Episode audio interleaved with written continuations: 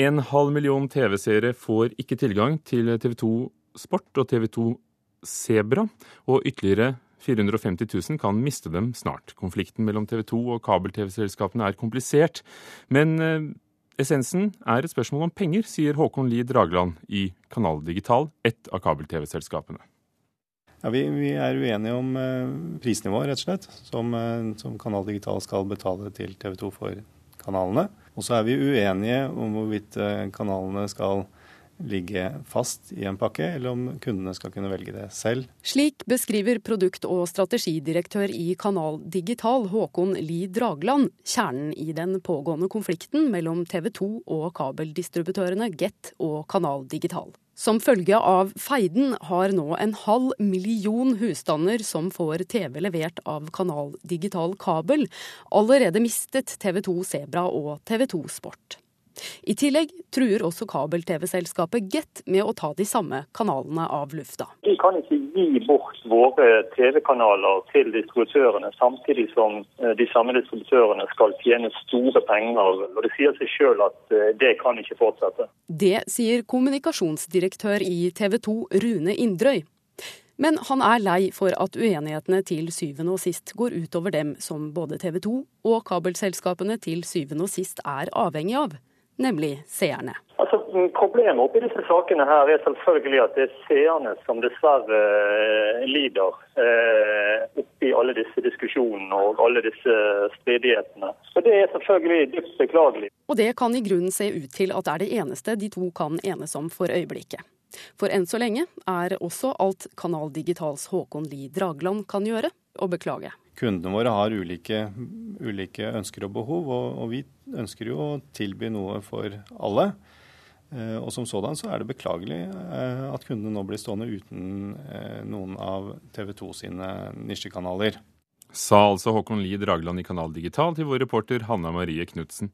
Sara Sørheim, redaksjonssjef for dette børssidene i Dagens Næringsliv. Du har dekket denne saken, og spørsmålet er hva handler det egentlig om?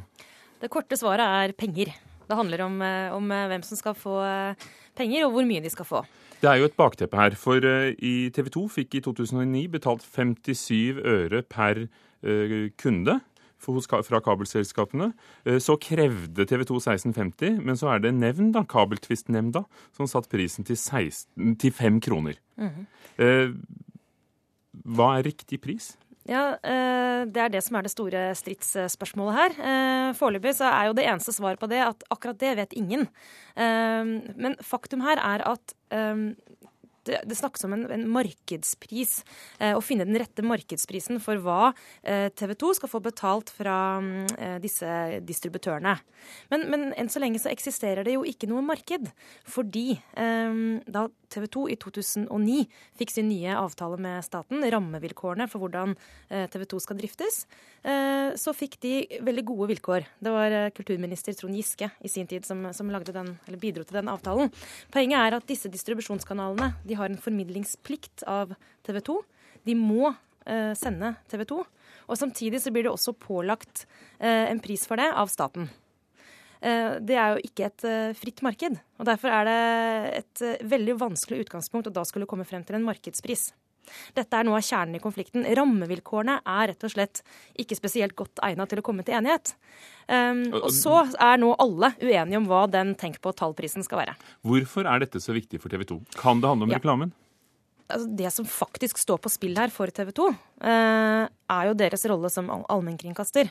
Som jo er truet hvis eh, disse distribusjons- og kabelselskapene faktisk begynner å, å, nekte å sende TV 2. Foreløpig så dreier dette seg om eh, TV 2 Sport og TV 2 Sebra. Men det er klart, den dagen eh, kabelselskapene nekter å sende TV 2 sin hovedkanal Det har de ikke lov til, for de er pålagt å sende det. Men hvis de likevel velger å, å stoppe det som et eh, signal eller som en protest, så har TV 2 et stort problem. TV 2 er jo avhengig av disse distributørene.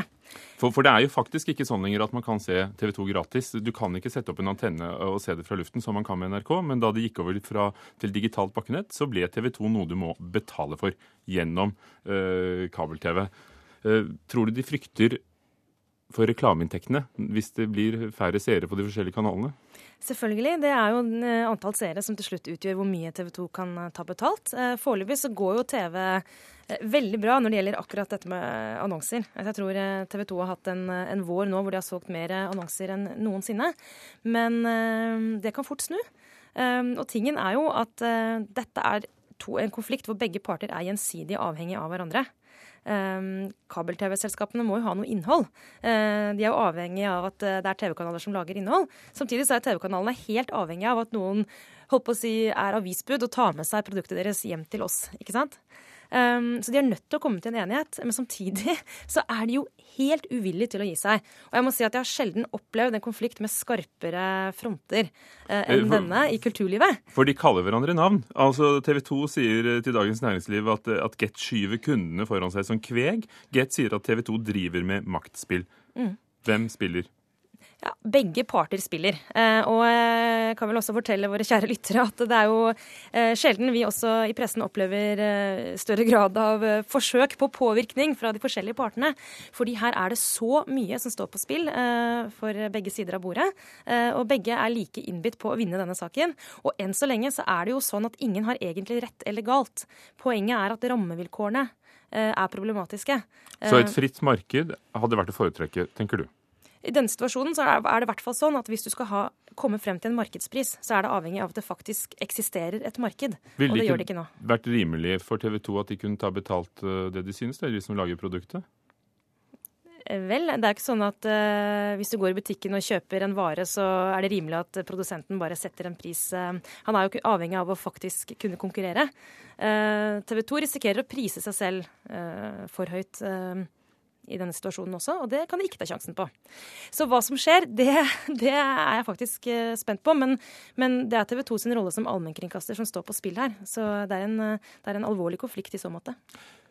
Med internettjenester og TV 2s eget Sumo, hvor du kan eh, se alt på betaling på nettet, eh, vil de etter hvert bli mindre avhengig av kabel-TV-selskapene, tror du? Ja, hvis vi løfter blikket litt opp fra denne konflikten og ser litt på utviklingen generelt, så vil du jo se at uh, TV, og TV-bransjen vil se veldig annerledes ut. Du vil nok få TV, altså bredbånds-TV og smart-TV.